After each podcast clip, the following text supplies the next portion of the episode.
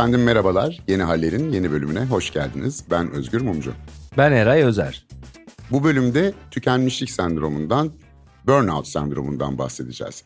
Ben bir baktım Eray Bey yaklaşık 140 tanım önerilmiş bu burnout tükenmişlik sendromu hakkında ve on binlerce de e, makale var. Nedir bu burnout? Ben pek kavrayamadım çünkü yani biraz kavradım ama içinde hem her şey var hem hiçbir şey yok gibi böyle tuhaf bir kavram bu tükenmişlik e, sendromu. Siz biraz bir şeyler bulabildiniz mi? Bu 140 tanımdan hangisini seçelim, hangisiyle yola devam edelim?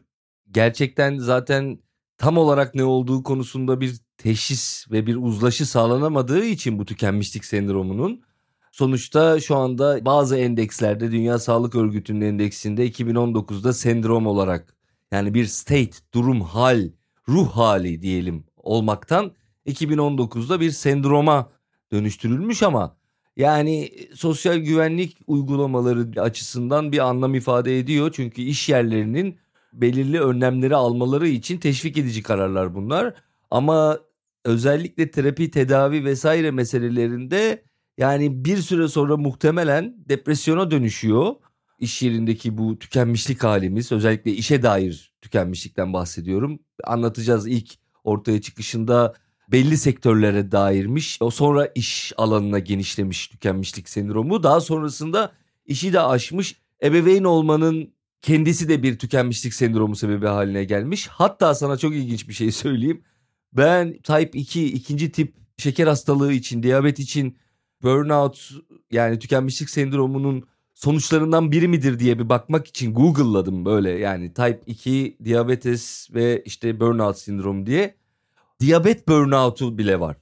Yani şöyle type 1 yani birinci tip şeker hastalıkları için sadece şeker hastalığı burnout'u var. Yani tükenmişliği var. Niye? işte bir sürü şey yapman gerekiyor ya şeker hastasıysan. İlacını vurman gerekiyor. Arada bir iğne oluyorlar. insülin iğneleri vesaire şunlar bunlar. Bunun kendisinden tükenmiş hale gelmenin bile bir sendromu olmuş durumda şu anda. Yani her şeyin bir tükenmişliği var. Biz de Meryem Uzerli olarak biz biliyoruz Özgür Beyciğim e, malum Muhteşem Yüzyılda hanımefendi rol aldıktan sonra dizinin bir evresinde başlarım böyle dizi şartlarına diyerek ülkeyi terk etmek suretiyle işi bırakmıştı. Ve bizim geniş kitlelerin burnout sendromu, tükenmişlik sendromuyla tanışması Meryem Uzerli ile oldu yani. Hürrem'le Gerçekten... oldu. Evet evet ben de hatırlıyorum o zaman. Ben de ilk defa o vakit bu kavramla karşılaşmıştım. Dünya Sağlık Örgütü'ne göre kronik hale gelmiş iş yeri stresinin başarılı biçimde yönetilememesi sonucu yakalanan bir sendrom. Yani bu nasıl bir tanım anlayamadım ben de işte. Kronik bir hale gelmiş iş yeri stresinin yönetilememesi.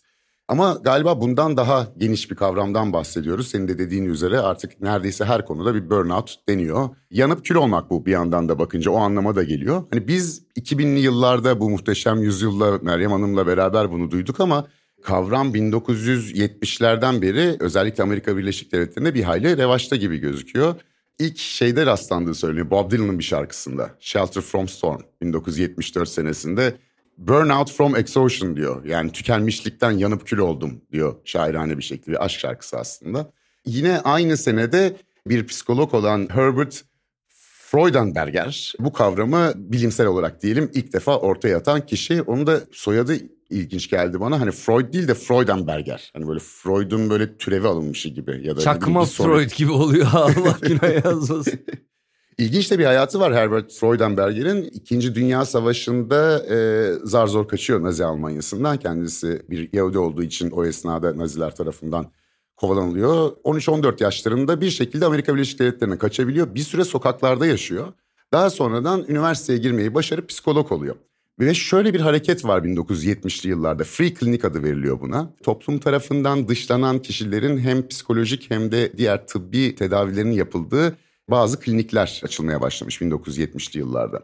Burada uyuşturucu müptelaları, toplum tarafından dışlanan pipiler mesela ya da Vietnam Savaşı gazileri gibi bazı kişilere çeşitli tedavilerde bulunuluyor. Herbert Bey de gündüzleri normal işini yapıyor psikolog olarak. Akşamları da saat 10'a kadar bu kendisinin de kurduğu New York'taki bir klinikte çalışıyor. Ve önce kendisinde görüyor bu semptomları, burnout semptomlarını. E tabi bir yandan da hani sabah 9'dan akşam 10'a kadar her gün çalışınca da şaşırmamak gerekiyor herhalde. Yani niye acaba tükendim diye ama Herbert Bey biraz geç fark etmiş. Ve bir gün şunu fark ediyor yani ailesi de isyan ediyor. Hadi tatile gidelim böyle yaşanmaz diyor. Tamam diyor adam tatile gidelim ve sabah yataktan kalkamadığını fark ediyor. Yani tatile gidecek kadar bile takati yok. Ve bunun üzerine kendi kendini incelemeye başlıyor ve ilk defa bir psikolog tarafından burnout kavramı bu şekilde ortaya konuyor.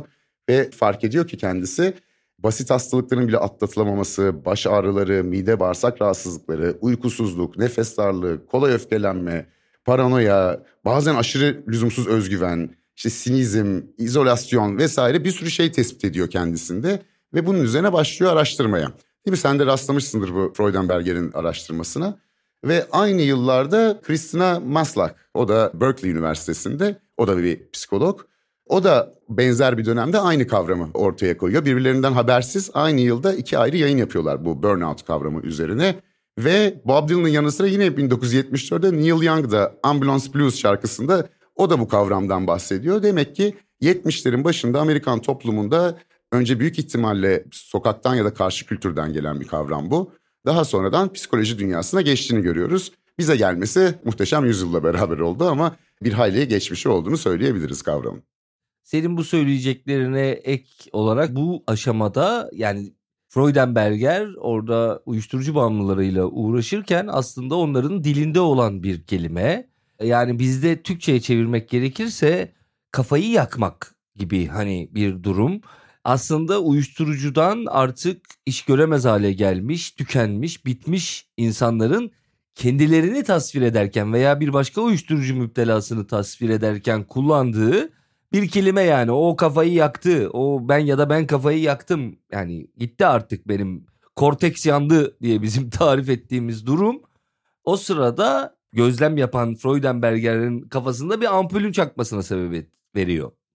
Christina Maslach da benzer yollardan geçiyor ve aslında daha çok sağlık sektörü ve hemen akabinde hizmet, insanla hizmet sektörü diyelim. Yani bakım evleri, çocuk ıslah evleri, yetim yurtları, hemşireler vesaire gibi bu işlerde çalışan sektörlerin, doktorlar pek tabii ki, bu sektörlerde çalışan insanların muzdarip olduğu bir hastalık bu. Fakat ilginç bir şey, Graham Greene diye bir yazar var ve Graham Greene 1960 yılında A Burnout Case diye bir roman yazıyor. Yani bayağı tükenmişliği isminde kullanıyor.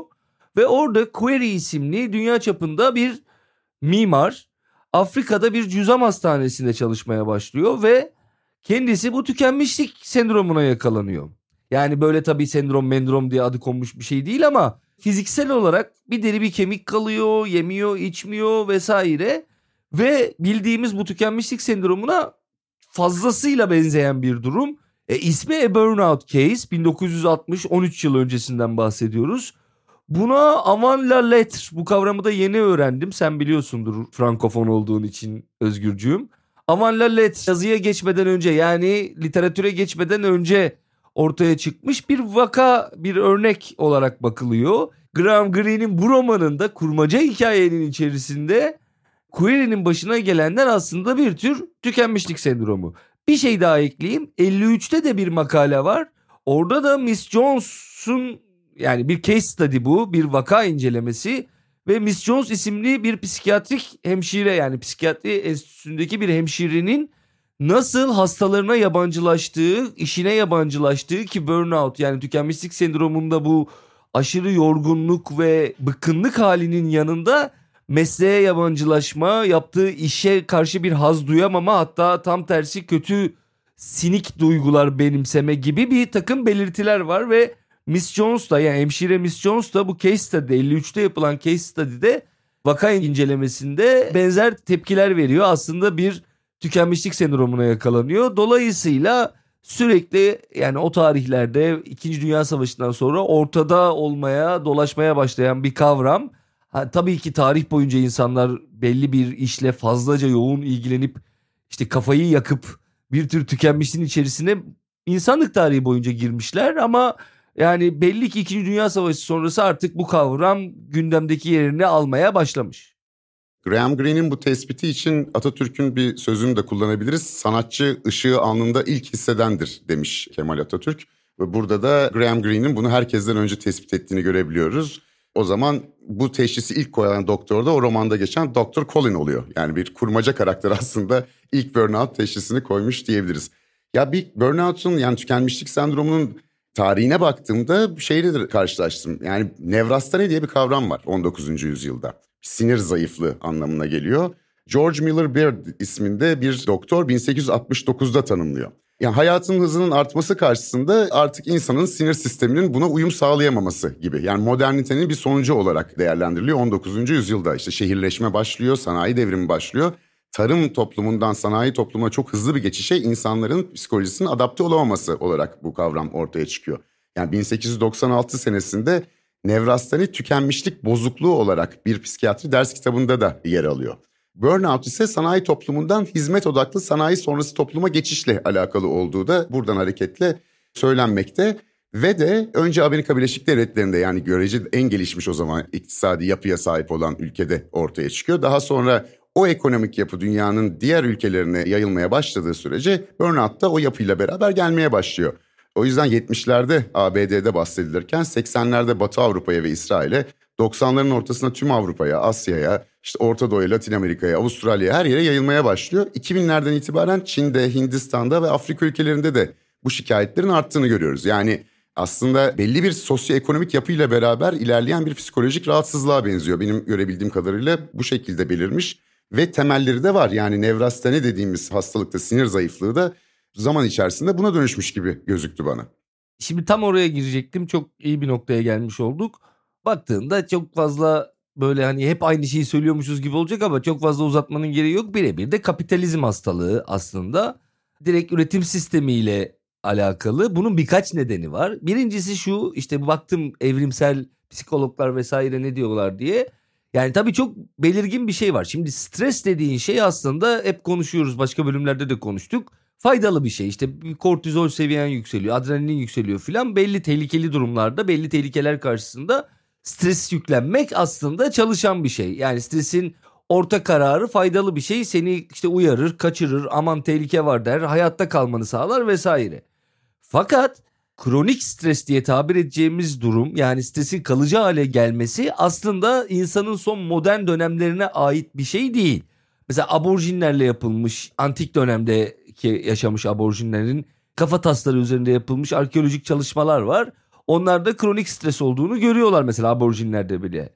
Keza ilk yerleşik hayata geçen insanların Nil çevresindeki popülasyonun yine kafa taslarında işte vücutlarında sonradan yapılan arkeolojik incelemelerde onlarda da yani yerleşik hayatın bir kronik stres sebebi olduğu ortaya çıkıyor. Peki Eray kafatasından inceleyip nasıl anlıyorlar bu insanların zamanda stres içinde olduğunu? Şöyle anlıyorlar Özgür hemen söyleyeyim. Mesela yerleşik hayata geçen Nil etrafında, Nil Nehri etrafı için söyleyeyim.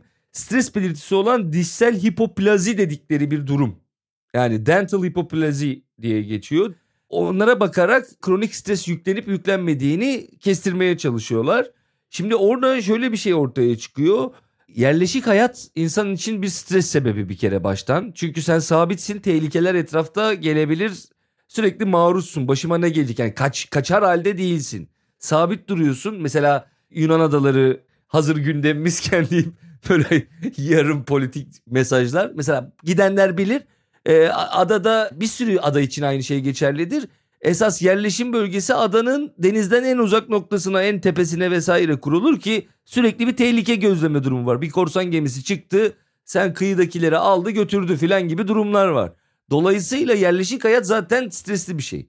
Bugüne dönüp baktığımızda yapılan çalışmalar var. Şehirde yaşayanların anksiyete, endişe seviyesi kırsalda yaşayanlara göre anlamlı bir şekilde daha fazla bir kere. Sadece şehirde yaşamak zaten anksiyete, endişe sebebi.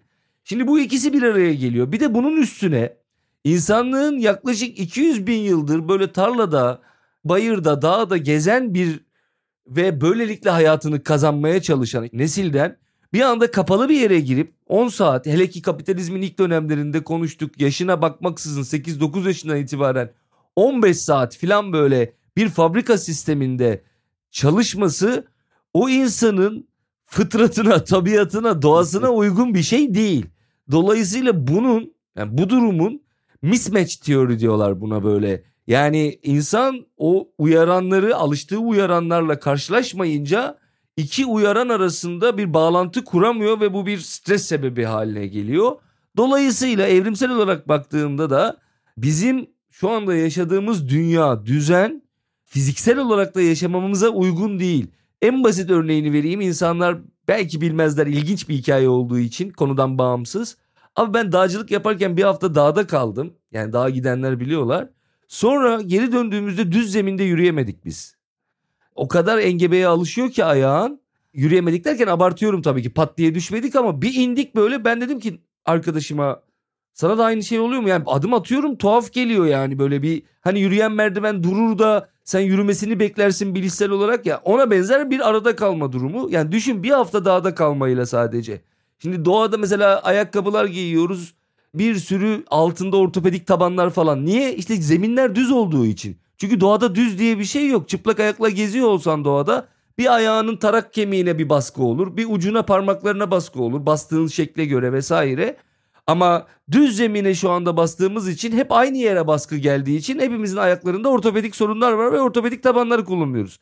Yani düşün bastığımız zemine bile adaptasyonumuz tam olarak gerçekleşmiş değil düz zemine. Yani buna benzer etrafımızda nelerin değiştiğini düşünsene yani telefonla birbirimize bakıyoruz birbirimizle konuşuyoruz filan. Yani çıldırtıcı şeyler bunlar aslında. Yani insanlık olarak kendimize ne yaptığımız belli değil gerçekten. Bunu da bir e, filozof Byung-Chul Han isminde bir filozof şöyle diyor. Yani başarı toplumu insanlığın kendi kendine savaş açmasıdır diye şeklinde ifade ediyor. Hakikaten de öyle bir tarafı var. Yani kendi kendimize de savaş açmış gibiyiz. Bu Gallup bir araştırma yapmış 7500 çalışanla. Onlara neden tükenmişlik sendromu hissediyorsunuz? Hissediyorsanız sebepleri nelerdir demiş. Şunlar ön plana çıkmış. İşte adil davranılmaması, aşırı iş yükü, belirsiz görev tanımı, yöneticilerle iletişim eksikliği, aşırı makul olmayan zaman baskısı. Bunlar gözüküyor ilk etapta insanların karşısına çıkan tükenmişlik sendromunun belirtileri olarak. Fiziki belirtilerinden bahsetmiştik. İşte baş ağrıları, mide sorunları, aşırı kilo kaybı, çok kolaylıkla hastalanma ve akabinde panik ataklar, anksiyete, depresyon vesaire vesaire o bildiğimiz işte klasik meselelere e, yol açıyor aslında.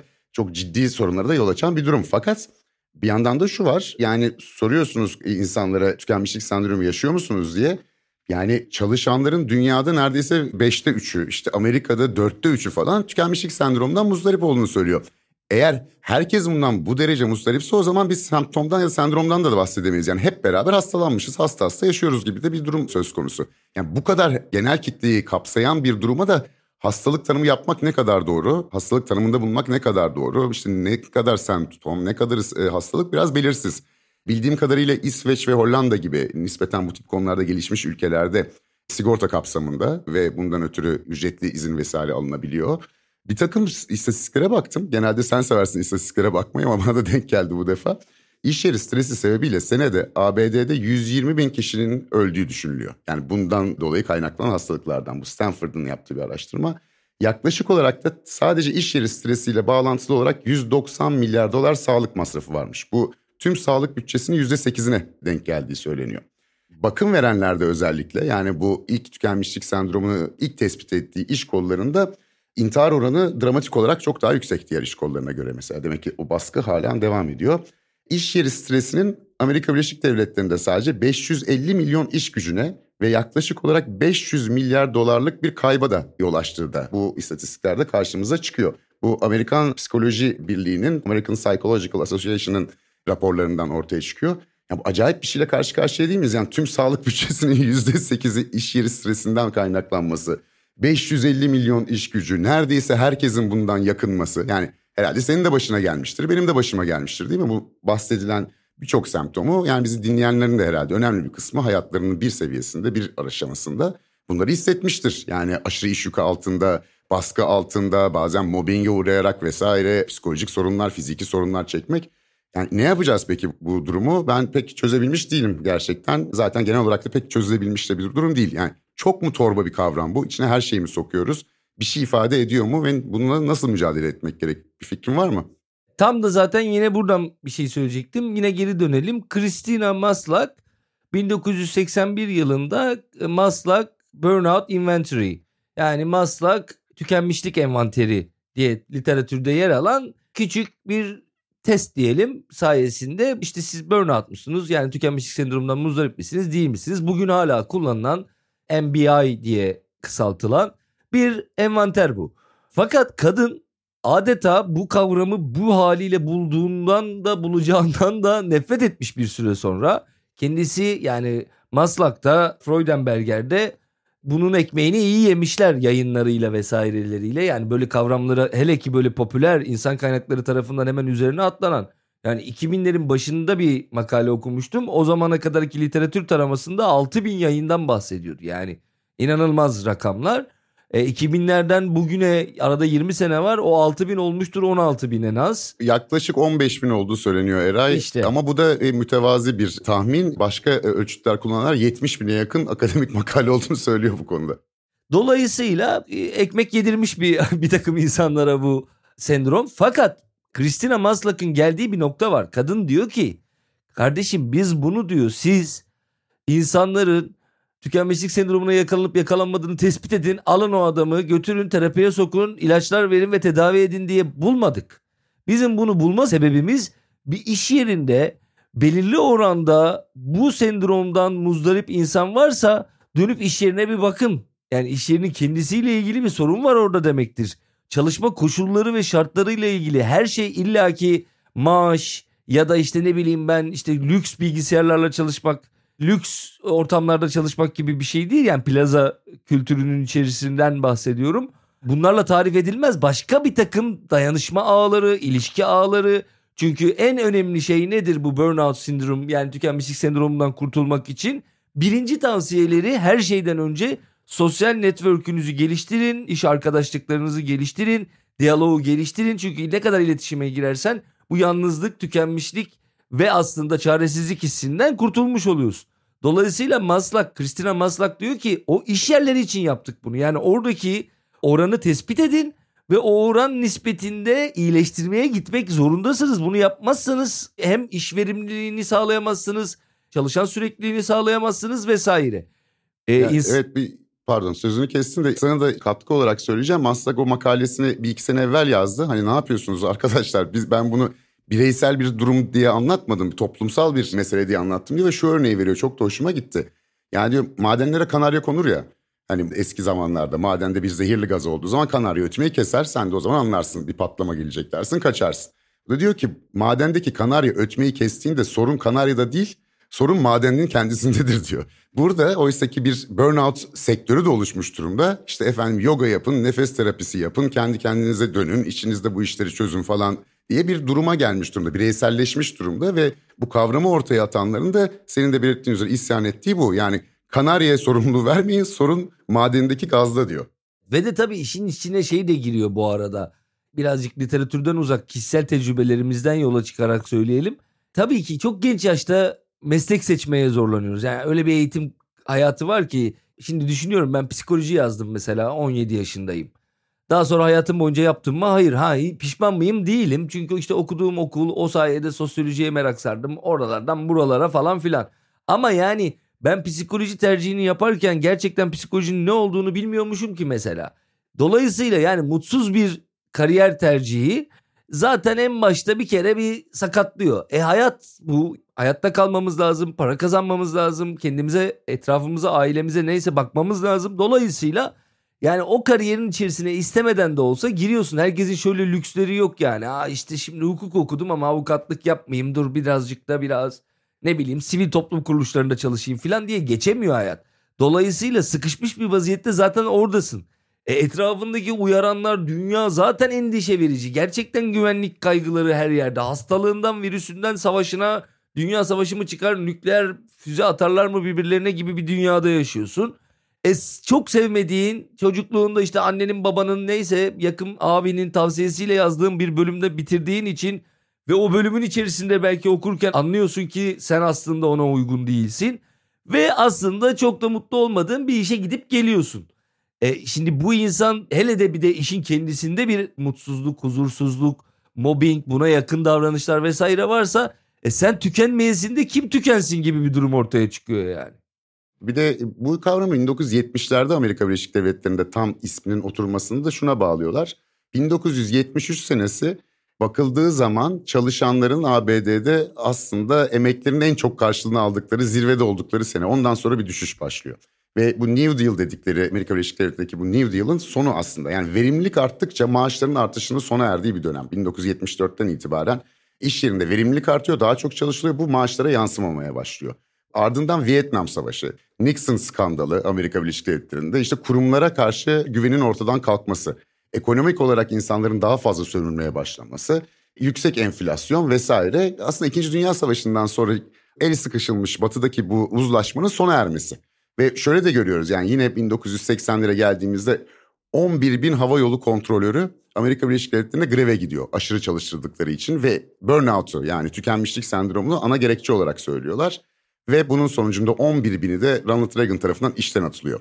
Ondan sonra da zaten burnout sendromunu bakıyoruz biraz daha bireysel bir sorunmuş gibi algılanmaya başlıyor ve daha bireysel tedaviler buna önerilmeye başlıyor. Aslında bir iş yeri sorunuyken bir toplumsal sorunken işte Maslow'un da altını çizmeye çalıştığı bu anladığım kadarıyla insana cezayı kesmeyin. Yani bu aslında daha büyük bir sorunun göstergesi şeklinde bir ifadesi var. Kavramın isim babalarından biri diyebileceğimiz işte Freudenberg'lerde sosyoekonomik değişimin cinsel devrimden tüketim toplumuna çok hızlı olduğunu ve televizyonun da güzel hayatı imrenmeye yol açtığını söylüyor insanlarda. Tabii o kendi dönemi için söylüyor. Bir de bugün düşünsene yani güzel hayat dediğin açıyorsun Instagram'ı işte herkes şahane hayatlar yaşıyor. Sen işte kira parasını nasıl denkleştireceğini düşünüyorsun. Aslında o şahane hayatlar yaşayanlar da muhtemelen kira parasını nasıl denkleştireceğini düşünüyor ve tüketici kredisiyle gittiği tatilden böyle filtreli fotoğraflar atıyor ama işte hep beraber böyle daha iyisine de imreniyoruz. Daha iyi hayatlar olabileceğini de görüyoruz. Hani eskiden o da yoktu pek. Yani işte gördüğün kadardı. Gördüğün kadar. İşte yaklaşık herkes senin standartında olunca onlar da o imrenme de ortadan kalkıyordu gibi.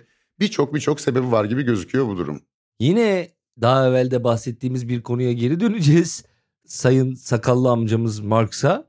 Yani aslında onun yabancılaşma diye tarif ettiği şey tam da bu. Şimdi Marx deyince biz böyle hani adam sadece bir doktrinin yazarı gibi öyle bir şey yok yani bir iktisatçının çalışma koşulları vesaireyi analizinden çıkmış bir sonuç bu. Bu üretim araçlarının sahibi olup olmama meselesindeki ilişki aslında sadece Marx'ın Marksist teoriyi ortaya koyarken bir üretim araçlarının sahipliğinin işçi proletarya tarafından gerekliliği üzerine ortaya konmuş bir içerik değil. Aslında baktığında klasik psikolojinin en temel şeylerinden bir tanesi şu. Ödül mekanizmasıdır ya. Yani sen hunter and gatherer, avcı toplayıcısın. Geziyorsun ormanda, elmayı görüyorsun. Ağaca tırmanmak için uğraşıyorsun ama hemen o anda böyle sulu bir elma ısırıyorsun. O anda yani. Hani güç harcadın ve karşılığını aldın. Şimdi üretim araçlarının sahibi olmadığın zaman bu ödül mekanizması çok dolaylı gerçekleşiyor. Şimdi maaş sana zaten standart olarak verilen bir şeymiş gibi bir algı var. Yani sen diyelim ki bir özel şirkette insan kaynaklarında çalışıyorsun. Senin her gün yaptığın standart işler var. Ve aslında birebir de o işlerle ayın sonunda alacağın maaş arasında bir ilişki yokmuş gibi geliyor. Çünkü sen o gün o işi yapmayı ertelediğinde de o maaşı alıyorsun. Yani sistem çünkü böyle nasıl kontrol yani bir kontrol mekanizması var ama hepimiz iş yerinden biliyoruz bugün de kayıtları verelim yani çalışıyormuş gibi yapalım gibi durumlar. E şimdi ödül mekanizması o kadar dolaylı hale geliyor ki yani ayın sonunda alacağım maaş o kadar dolaylı hale geliyor ki bir de çok temel gereksinimlere gidiyor hayat şartları vesaire yani barınma vesaire gibi senin o ödülü almak için çalıştığın yani ödülle çalışma arasındaki ilişki giderek zayıflıyor. Yani sen sanki standart olarak o maaşı alıyorsun bizde memur gibi derler ya işte yani yatar her türlü kovulması zordur vesaire hakları sosyal hakları çok kuvvetlidir filan memuriyet o açıdan önemlidir çünkü ömür boyu alacaksın belli yani.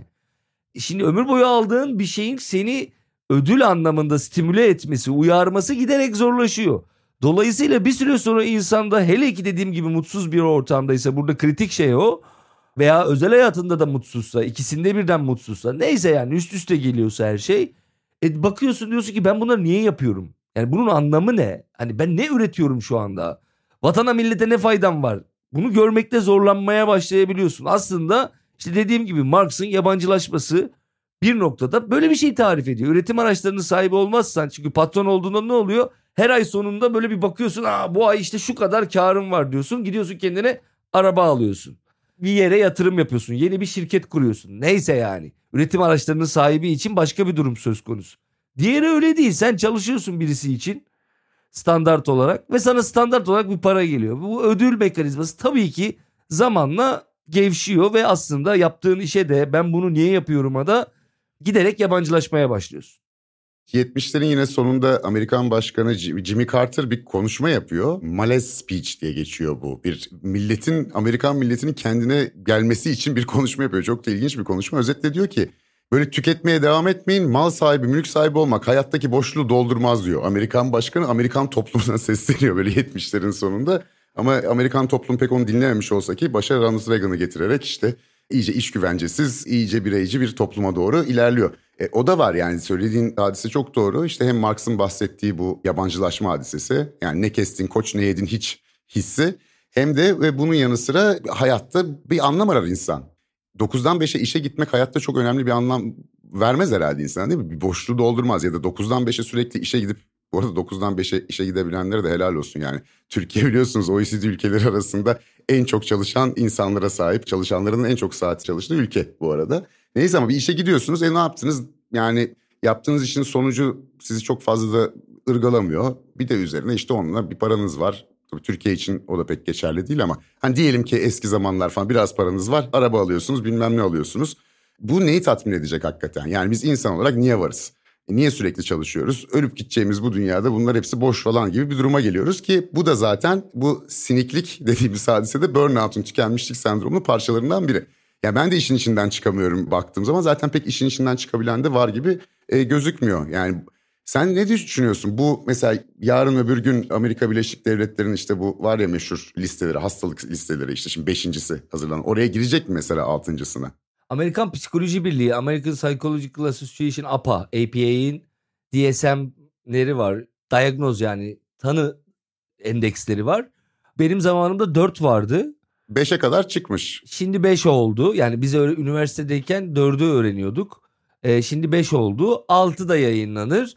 E, girebilir tabii yani şu, şunu demeye çalışıyorum. Girebilir de yani oraya sokmanın şöyle bir faydası vardır muhtemelen. Hani dediğim gibi yani DSM altının içerisinde olduğunda iş yerlerine bir takım tıpkı İsveç ve Hollanda'da olduğu gibi bir takım önlemler alma zorunluluğu veya birilerinin burnout'un ben işte tükenmişlik sendromuna yakalandım diye bir psikologdan rapor alması durumunda ona izin verme zorunluluğu vesaire gibi zorunluluklar ortaya çıkacaktır. Çalışma hayatı açısından Amerika berbat bir ülke. Yıllık izinler falan çok düşük. İşte sağlık sektöründe sosyal güvenceler çok zayıf kalıyor dünyanın geri kalanıyla kıyaslandığında.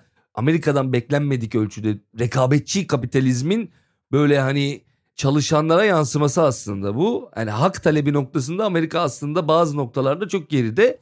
Dolayısıyla bunun öyle bir etkisi olacağından e hani bu hesaplanıp da DSM altının içerisine dahil edilir veya edilmez. Çünkü buradaki mesele şu İsveç'te gidiyorsun doktora diyorsun ki burnout'um yandım tükenmişlik sendromuna kapıldım ve bir takım envanterlerden tabii ki geçiriliyorsun ama netice itibariyle onları da yani gerçekten öyle hissetmesen bile öyle hissediyormuş gibi yanıtlayabilirsin ve öyle bir sonuca ulaşabilir doktor. Dolayısıyla bir izin alıyorsun. Şimdi bu işçiye bu hakkı vermemek için ortada aslında bir direnç noktası var. Bir direnme hali var. Buna bağlı aslında birazcık yine politik bir yere gelmiş oluyoruz. E tabii ister istemez öyle bir yere geliyor mesele. Çünkü bu bir iş yeriyle alakalı bir durum ve belki de iş yeri dışındaki hayatın diğer cephelerine de fazla yaymamak gerekiyor. Yani işte efendim e, evliliğimden de burnout oldum, bilmem neden burnout oldum falan. Bunun pek bir anlamı yok. Bu gerçekten bir hak mücadelesi şekline dönüştürülmesinde fayda var. Şunu da söyleyerek yavaş yavaş bitirelim. Yani genç kuşaklarda özellikle millennial denilen kuşakta işte 81 ve sonrası doğumlularda bu tükenmişlik sendromunun geçmiş jenerasyonlara göre çok daha fazla olduğu gözüküyor. Ve dijitalleşmeyle beraber bir dijital tükenmişlik sendromu da var. İşte sürekli telefondan vesaireden e-mail geliyor bilmem ne yapıyor. Yani kurtulamıyoruz da çalışmadan. Yani ne zaman çalışmaya başlıyoruz, ne zaman çalışmayı bitiriyoruz belli değil. Yani giderek de bu sorunun artacağını öngörmek mümkün. Evet Eray Bey yavaş yavaş kapatalım. Var mı bir orkoluğunuz? Evet Özgür orkoluğa geçeceğiz ama ona geçmeden önce sadece kısaca şunu söyleyeyim. İçimde kalmasın. Daha evvel depresyonu yaparken de bahsetmiştik. Bir takım fiziksel, orta ve uzun vadede rahatsızlıklara sebebiyet verdiği benzer şekilde tükenmişlik sendromunun da böyle bir sonucu olabiliyor. Nedir? Kardiyovasküler hastalıklar yani kalp rahatsızlıkları, tip 2 diyabet tıpkı depresyonda olduğu gibi, yüksek kolesterol, eklem ve kemik ağrısı, kronik yorgunluk, baş ağrıları, hazımsızlık veya irritable bağırsak sendromu yani çeşitli başka sindirim sistemi bozuklukları ve solunum bozuklukları diyelim ona. Hatta 45 yaş öncesi ölme riskiniz sürekli bir tükenmişlik sendromunun içerisinde savruluyorsanız çok daha fazla hale geliyor. Bir şey daha ekleyeyim. Ne gibi belirtileri var en çok hani sorulan aslında akla gelen şeydir. Biz söyledik kronik işte yorgunluk vesaire diye. Biraz daha açarsak bu meseleyi bağışıklık sisteminizin düşmesi sizin için bir haberci olabilir. Uyku alışkanlıklarınızda bir değişiklik, çok uyuma veya uyuyamama, iştahınızda bir değişiklik, giderek daha fazla baş ağrısıyla karşılaşıyorsunuz ve anlamsız bir baş ağrısı hastalığa bağlı olmayan herhangi bir hastalığa, kas ağrıları keza aynı şekilde. Duygusal açıdan kendinizden şüphe duyduğunuz, işe karşı negatif duygular giderek daha fazla geliştirmeye başladığınızı görüyorsanız, motivasyonunuz kayıpsa, sorumluluktan giderek hem kendi hayatınızda hem iş hayatınızda kaçıyorsanız, görev almaktan kaçınıyorsanız, sürekli bir erteleme davranışı içerisindeyseniz, bunlarla başa çıkmak için alkol, sigara veya herhangi bir başka uyuşturucuya ihtiyaç duyuyorsanız artık bu durumla durumunuz ciddi olabilir. Yani çok özetleyerek anlattım belirtileri ama yani bu durumlarda bir önlem almanın faydası var. Evet doğru işte orkalık kısmına gelelim. Kavram gerçekten de kapitalizmin ve insanın içinde bulunduğu bu şehir hayatının insana dayattığı stresin artık kronik hale gelmesi, insanda bir yılgınlık ve bir tükenmişlik hissine ulaşılması, bir öğrenilmiş çaresizlik durumu hepsi bir arada ve uzun vadede depresyona gidiyor. Bunların hepsi böyle doğru. Ama ve lakin şeyi unutmamak lazım. Yani bence en önemli en kilit olan şey orası. Sorun sizde değil. Yani her insan böyle durumlar şartlar altında başarılı olacak, mutlu olacak, dışarıya iyi görünecek, sosyal medyasında gülücüklü fotoğraflar paylaşacak gibi bir şey yok hayatta. Hayat öyle bir şey değil yani.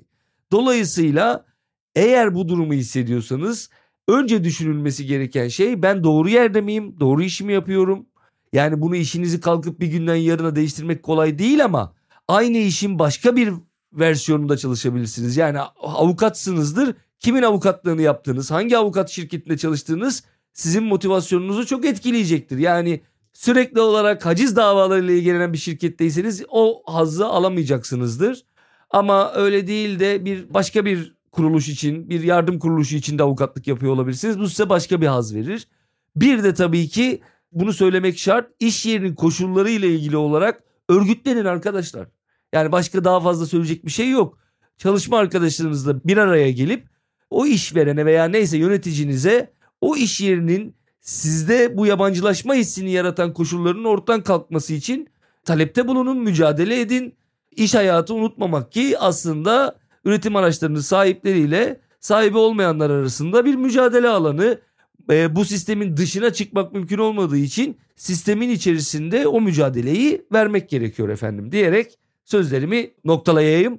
Görüşmek üzere kalın sağlıcakla. Orkoluk içinde sizi bekliyoruz Özgür Bey buyurun. Efendim ne güzel. Sizin bu orkolunuzdan sonra bana pek bir şey kalmadı ama ben bu konu hakkında çalışırken okuduğum bir cümle hoşuma gitti. Orkoluk adına ben de o cümleyi size aktarayım. Efendim işlerimizin efendisi değil, e, hizmetçisi, hizmetkarı olmuş durumdayız. E, yaptığımız işin üzerinde kontrol sağlamaya, yaptığımız işin efendisi olmaya çalışalım. Yaptığımız işin kölesi olmaktan kaçınalım diyerek sözlerimi bitireyim. Esen kalın efendim.